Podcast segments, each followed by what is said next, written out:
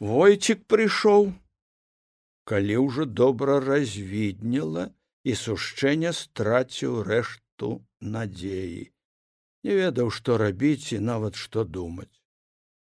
Варон ён трохі паадганяў ад прагалін але тыя ўпарта не хацелі пакідаць хвойнік і трохі радзей параселіся зводдаль на вышэйшым ці можа зручнейшым вяршаллі хвой чакалі. Накінуўшы на плечы бураўскі шынелак сушчэнне паныла сядзеў пасярод прагаліны таксама чакаў сочачы за насцярожаным вараннём зводдаль. Тут яго і застаў войцік што ціха прадраўся ў тумане паміж радам хвоек. Сядзіш запытаў ён нават са здзіўленнем у голасе сушчэнне бадай без радасці няўцямна паглядзеў на яго. Абураў. Вунь. Паныла кіўнуў ён галавой у бок хвойкі з пад якой вытыркаліся нерухомыя боты бурава. Так я і ведаў сказаў войцік. Даўно? Учора пад вечар. Добра што. Не трэба і падводы войцік патупаў сюды туды па цеснай прагаліне паўзіраўся на варон. Іш сабраліся чакаюць! З учарашняга чакаюць сказаў сушчэння і помаўчаўшы запытаў. А што фурманкі няма?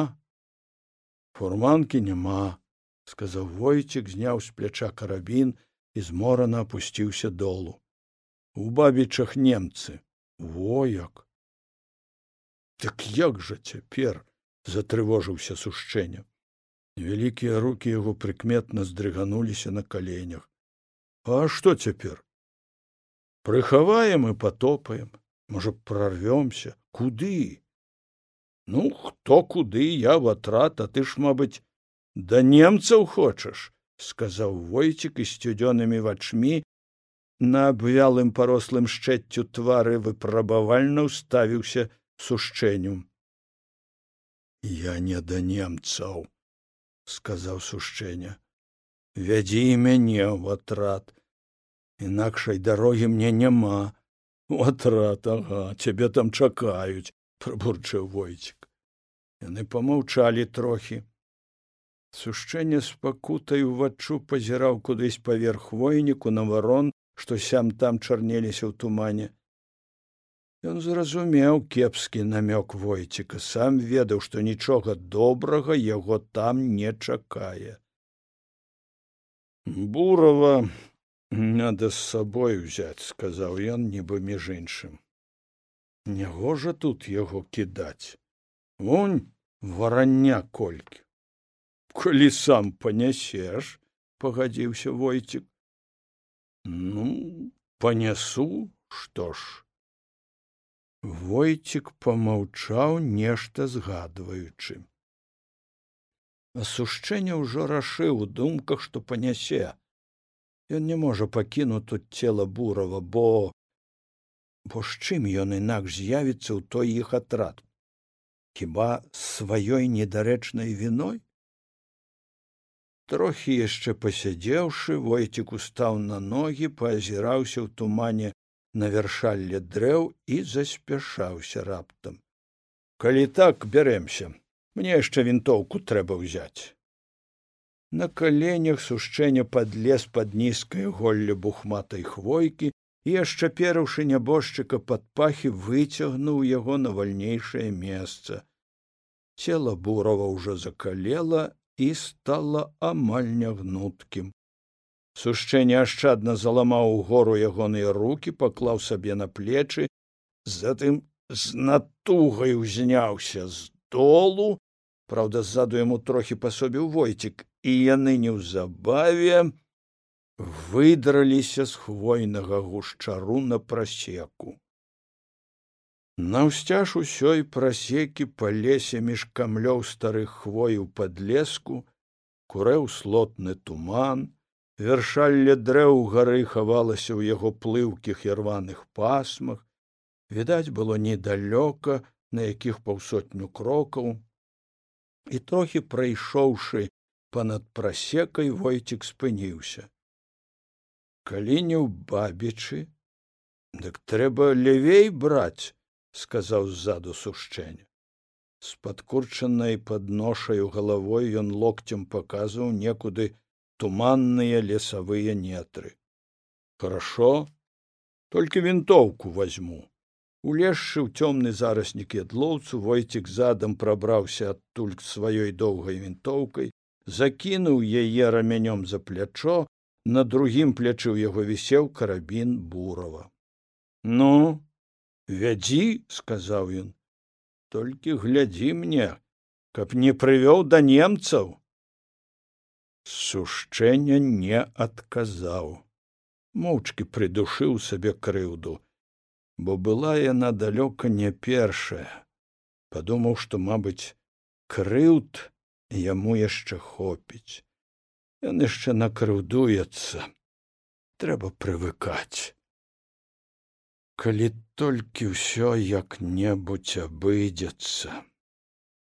А калі не абыдзецца дык што ж? Што яму тады тыя крыўды? Праўда слухаючы цяпер шматзначныя закіды войціка ён адчуваў што трэба б нешта сказаць дзеля свайго апраўдання нешта растлумачыць свае недарэчнай гісторыі але ён не мог наважыцца на тое штось яму замінала і ўсё.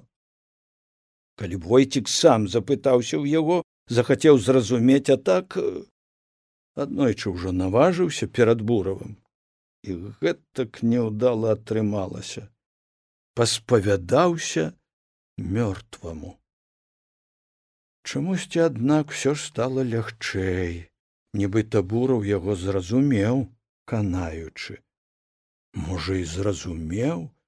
Сказаў жа ён войціку перад тым як сканаць не чапай сушчэню значыць зразумеў нешта першы чалавек за ўвесь час ягоных пакут ды і той вось мёртвы. І таму ён нясе яго на сабе каб не кінуць варанню немцам мабыць нежывы бураў быў патрэбны яму для ўпэўненасці і самаадчування праўды. І сушчэнне так трымаўся за яго як тапелец трымаецца за саломінку. Ці шмат толькі паможа яму тая саломіна? Гэтая аднак даволі такі цяжкаватая саломіна хутка адбірала ягоныя сілы. Сушчэнне пачаў часта спыняцца папраўляць ношу. Бы прачуваючы недарэчнасць яго намаганняў нябожчык ацяжэла імкнуўся долу. Туды да чаго ён ужо належаў з учарашняга надвячорка. І куды яго не пускаў гэты былы аднавязковец яны доўга брылі так па золка-туманным лесе астуджана дыхаючы яго густа спіртавым водарам абсыпаны ігліцай дол у бары быў мяккі чысты ісці па ім было лёгка і нячутна. Верхавіны высачэзных хвой хаваліся ў нізкай туманнай навалачы неба амаль не было відаць рэдкі падлесак з параснікаў бярэзніку ядлоўцу і хвоек таксама ціха стаяў ахутаны клотчам туману. Было сцішана глуха ніводная галінка нідзе не кранулася. Птушак чамусьці тут не было чуваць толькі аднойчы ў гары пастукаў па сухадрэвіне дзяцел і сціх сушчэнне добра ўгрэўся пад шынялём сваёй нялёгкаю ношай яму даўно ўжо карцела спачыць але войцік быццам не заўважаў таго і сушчэння быў змушаны брысці далей. Ім трапіліся ўжо дзве прасекі, але абедзве прабеглі ў поперак іхняга напрамку. Час ад часу пазіраючы ў бакі з-пад локцяў на пята расстаўленых рук, сушчэнне збольшага пазнаваў лес і меркаваў, што ідуць быццам правільна. За трэцяй прасекай павінен пачацца квартал старых пераспелых хвой, некалі яшчэ да калгасаў тут маладыя хлопцы з масцішча нарыхтоўвалі зімой лес для вывазкі ў донбас і тут у яго ўпершыню пачалося за нелей пачалося быццам шчасліва. Дво як скончыцца. Ад гэтага квартала бабічы ўжо застануцца ў баку лічы яны мінулі вёску. Праўда калі ісці прама дык наперадзе іх чакала не лепшае. Наперадзе была шаша. Мабыць шашу таксама прыйдзецца пераходзіць у лесе. Добра перайсці ноччу а ўдзень хіба што паможа туман Увесь час ідучы недалёка ззаду з дзвюма вінтоўкамі на плячах войцік з зайдрасцю думаў які ўсё ж здаравенны мужик гэты сушчэння угнуўся летні дадолу а прэ і прэ нібы трактар і нават не спыніцца для адпачынку. Дужы чыгуначнік нічога не скажаш.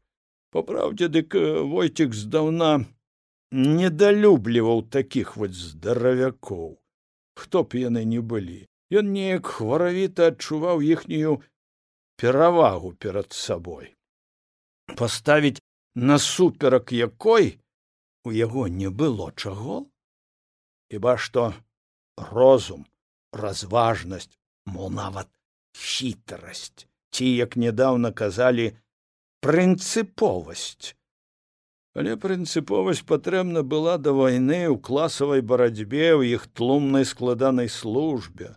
А тут навошта яна?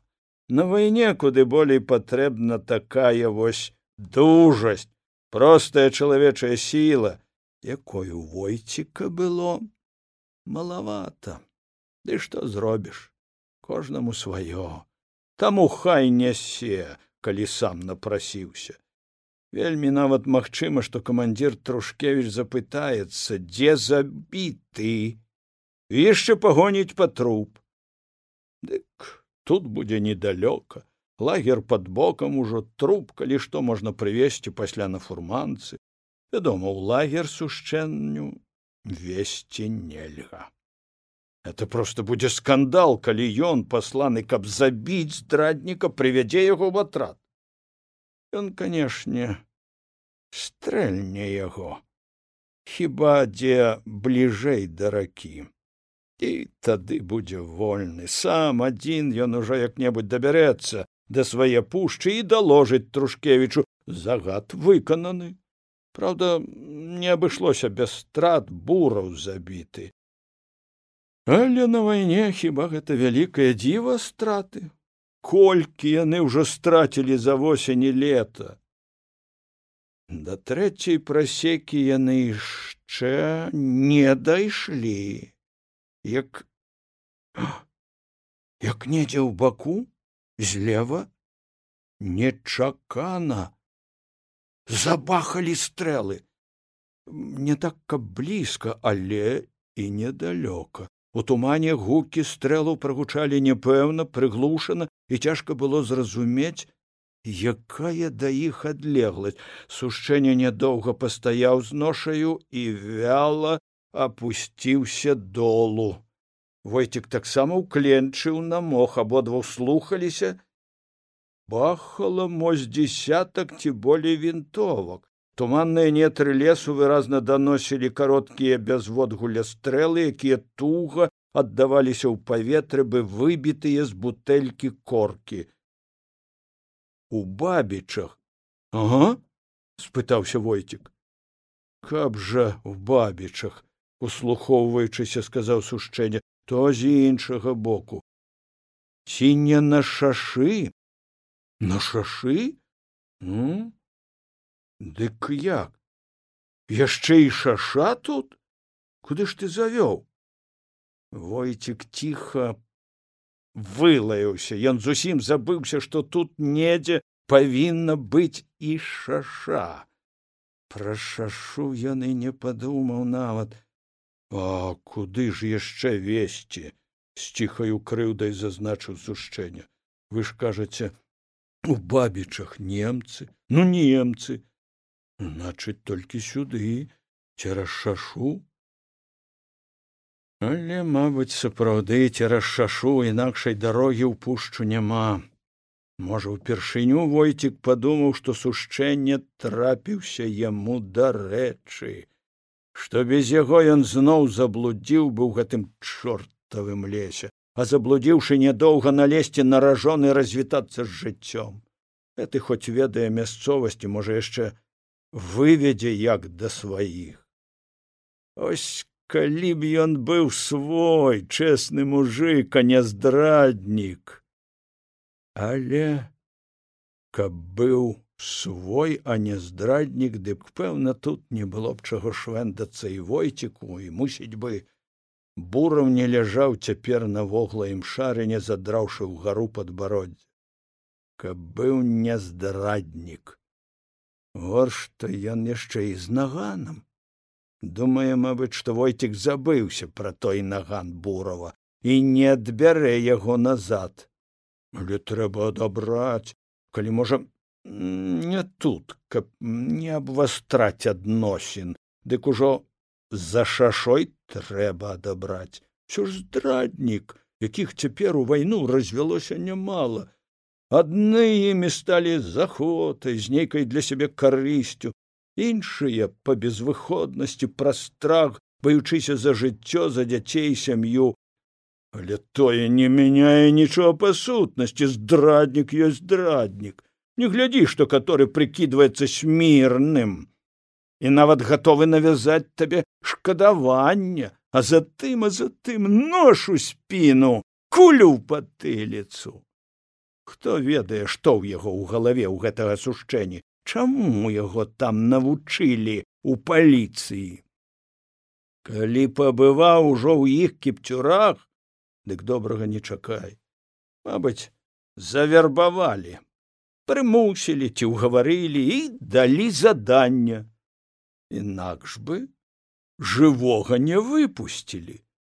Ойцік ужо разумее яго не ашукаеш што колечы пабачыў за жыццё чаму нічаму навучыўся?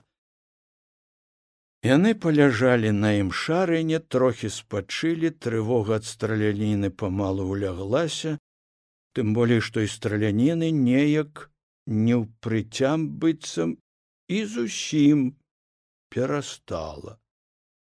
Тады зноў пайшлі ранейшым кірункам у бок шашы. Толькі цяпер ішлі асцярожней наперадзе сушчэння сваёй ношай за ім уступам крокаў праз пятьдесят войцік. Часта спыняліся па адным ці абодва адразу і слухалі. Туман не знікаў увесь дзень мо трохі парадзеў над вячоркам у гары пацягнула лесавым шумам ад лёгкага ветрыку трохі заварушыліся хвойныя вершаліны у гэтым пошуме аднак стала горш чутна і яны зноў абодва разам пападалі ад раптоўнага грукату што пасыпаўся непадалёк наперадзе. Паляжаўшы сцямілі што мабыць падышлі да шашы. Там недзе блізка праносіліся машыны. Праўда праз зараснік падлеску іх не было відаць як не было відаць і шашы. Калі грукат той крыху заглух удалечы войцік прыгнуўшыся подбег да сушчэнні шаша а? Шаша што ж рабіць? Пярэйдзем перш чым адказаць сушчэння паслухаў. Лес слаба шумеў як і раней аўтамабільны грукат пакрысе глухнуў аддаляючыся ўправа злева ж лесавы прастор атуляла ціша хоць канешне ў кожную хвіліну там зноў маглі з'явіцца машыны можа лепш паначы як сцямнее слаба запярэчыў сушчэння. Ну столькі чакаць ага трэба ж чакаць сушчэння застаўся ляжаць ніцма пад кустом ядлоўцу все ўзіраючыся ў падлесак у бок недалёкай ужо шашы. Яму было ўсё роўна калі пераходзіць яе. Ведаў нічога добрага па той бок яго не чакае як мабыць не чакае нідзе. Але ён пачаў ужо прывыкаць да свае новае ролі э, правадніка ці нават партызана і імкнуўся выконваць яе спраўна. Ды каб выканаць спраўна ў ягоным становішчы трэба было слухацца гэтага партызана войціка цяпер як бы яго начальніка. Такое паслушэнства давала яму цьмяную надзею якая і вяла яго ўвесь дзень па лесе. Зноў жа войцік можа зразумее што ўсё тое сушчэнне робіць свае добрае волі. Без жаднага прымусу хай ён памятае пры выпадку і засведчыць тое. Яны праляжалі так можа і не надта доўга. На шашы ўсё было ціха. Мабыць не праехала ніводнай машыны. Не чуваць было і страляніны Вецер у гары, мабыць, патроху суняўся, так і не разагнаўшы туман, як ці не стаў нават гусцець на сконе дня за час іх чакання. Так туман пагусцеў. Войцік адзначыў гэта па тым, як у шэрай навалачы здаля закурэў падлесак. Доўга ляжаць на воглым доле зрабілася сцюдзёна, дрыжыкі распора скаланалі цела і войцік ціха гукнуў: « А калі цяпер, а па адным. Сушчэння падняўся, сеў, азірнуўся, Ён не пярэчыў, але і не спяшаўся згадзіцца, Ён памеркаваў трохі. Трэба паглядзець як там на шашы. Ну паглядзі толькі нядоўга. Цяжка ўстаўшы на ногі сушчэння валюхаста патупаў пад лесак а войцік раптам недарэчна сумеўся. Дарма пусціў на всякі выпадак ён з вінтоўкай адбег трохі ў бок і схаваўся за камель тоўстай хвоі глянуўшы за яе убачыў як сушчэнне асцярожна кратком прабіраецца да шашы часам яго затуляе беразнячок падлеску але ён хутка паяўляецца ў іншым месцы. Пасля аднак яго зусім затуліў хмызняк і войцік расслаблена апусціўся за хвоей чорт яго ўвогуле ведае што гэта за чалавек падумаў ён.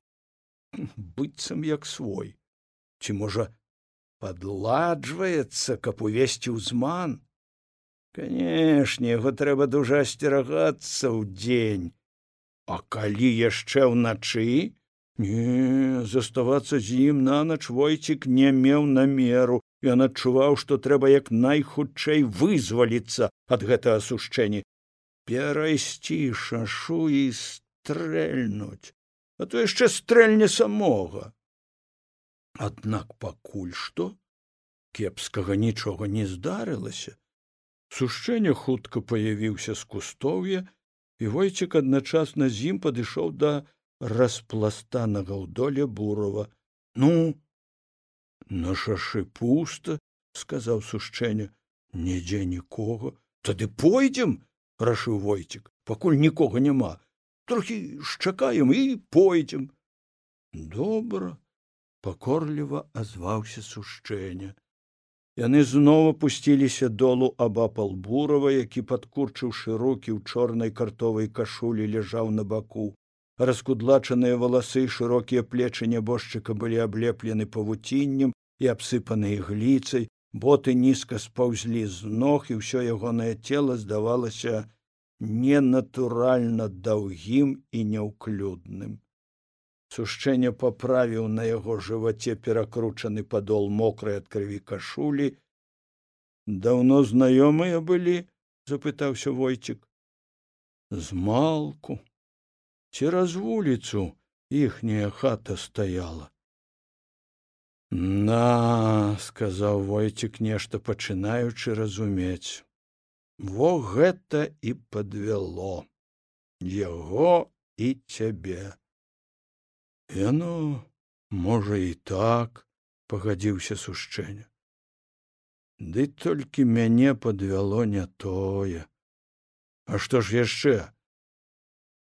Сушчэнне працягла выдыхнуў сашчапіў пальцамі руки што не ўмёр там у паліцыі.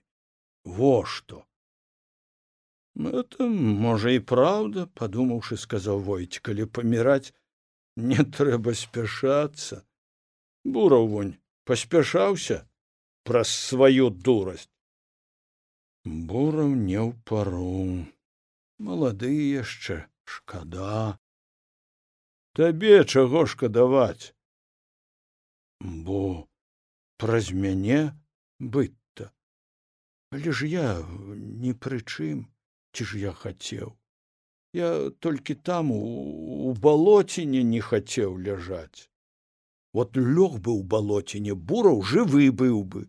Так жа гэта так мусіць паморшчыўся сушчэння але вы ўжо скажыце там камандзірам што сказаць насцярожыўся войцік ну пра мяне калі што калі не дайду все ж жонка ў мяне дзіця а во што здагадаўся войцік это скажу не турбуйся.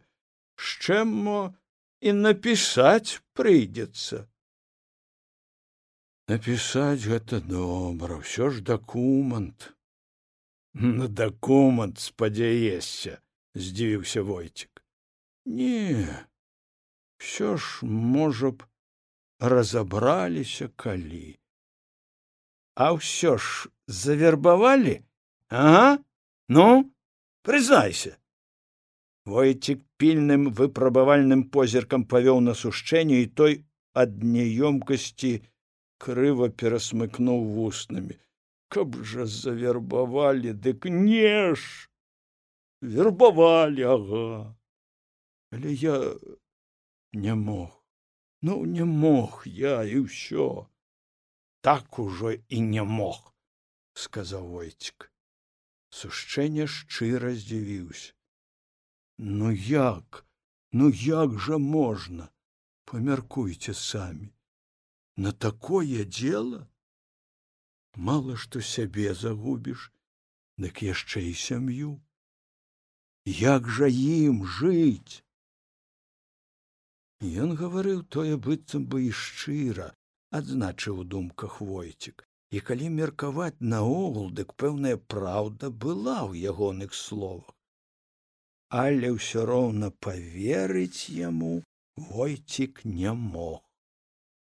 Войцік за жыццё ўжо зведаў, як дасканала хітруе вораг, як прыкідваецца сваім сябрам, нават партыйцам, як той хмялеўскі. Колькі гадоў віў сваю шкодніцкую вяровачку, прытвараўся, арганізоўваў слабыя калгасы, ды ўсё ж выкрылі разумныя людзі заўважылі і пакаралі. Іх хіба аднаго хмелеўскага а дырэктара школы пратасевіча міліцэйскага начальніка лакцёнка старшыню рай спажыў саюза кузьміча. Ай да ў кожнай вёсцы ў кожным калгасе а ў вобласці. Скрозь паналезла процьма заядлых ворагаў шкоднікаў здраднікаў. А ў вайну іх вылезла яшчэ болей. Надта шмат было тых урокаў класавай барацьбы каб і дурань чаму нічаму навучыўся. Не мусіць на тое дадзена і пільнасць каб заўжды быць на чаку і не паддавацца на зман. Не аддаць адмякнуць у сабе непрымірымасці і заўжды да ўсіх прыглядацца да суседа да сябра а то і да бацькі з маткай. Ці мала што часам можа шкадаванне возьме да каторага асабліва калі знаёмы ці там радня. Але тое бабскае пачуццё міласэрнасці належала задушыць у сабе сцяць зубы і намагчыся на тое чаго вымагае бязлітасны класавы прынцып. Канешне бывае агідна боязна нават часам не хапае рашучасці ну але гэта таму што ў войціка слабы характар. Што зробіш? Ну яно ўсяляк бывае. Вядома вайна. Знарок прымірэнча зазначыў войцік але ты ягоныя словы сушчэння падхапіў з нязгодай і загаманіў са сцішаным запалам у голасе чым нават здзівіў раздумна насцярожанага войціка ось вы кажаце вайна што ўсё бывае. Але ж ці за год гэтай вайны ўсё так змянілася? Хіба людзі так хутка могуць мяняцца? Каб да вайны адзін а ў вайну іншы я тут усе тридцать семь год пражыў. Мяне все ведаюць заўсёды все паважалі ні з кім не сварыўся ну ні разу не пасварыўся.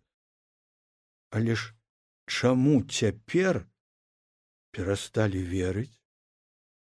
Вот получается что немцам вераць а свайму чалавеку не і суседзі і вы жонка нават і тая сумняваецца перамяніўся як гэта я перамянюся калі мяне нарадзілі такім з ціхім абурэннем гаварыў сушчэння.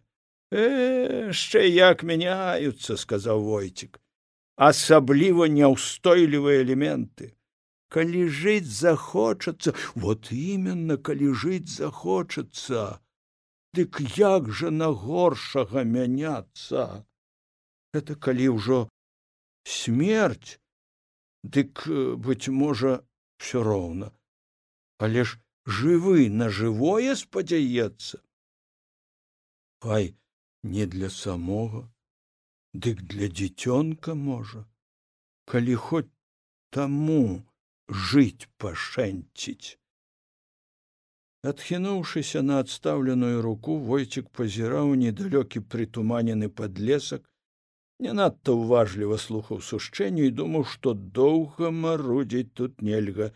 Відаць гэты чалавек умеў сваёй памяркоўнасцю размякчыць сэрца бач прыпомніў ужо і дзіцёнка так чага добрага нядоўга і пашкадаваць яго а там недалёка застанецца і да апраўдання не трэба канчаць ось пяройдуць шашу і сушчэння яму ўжо не спатрэбіцца дарогу далей войцік збольшага ведаў неяк дабярэцца бурава трэба будзе дзесь прыхаваць каб пасля прыехаць па яго на фурманцы цяпер холодна суткі другія пачакае разведчык это калі камандзір загадае а можа і не загадае.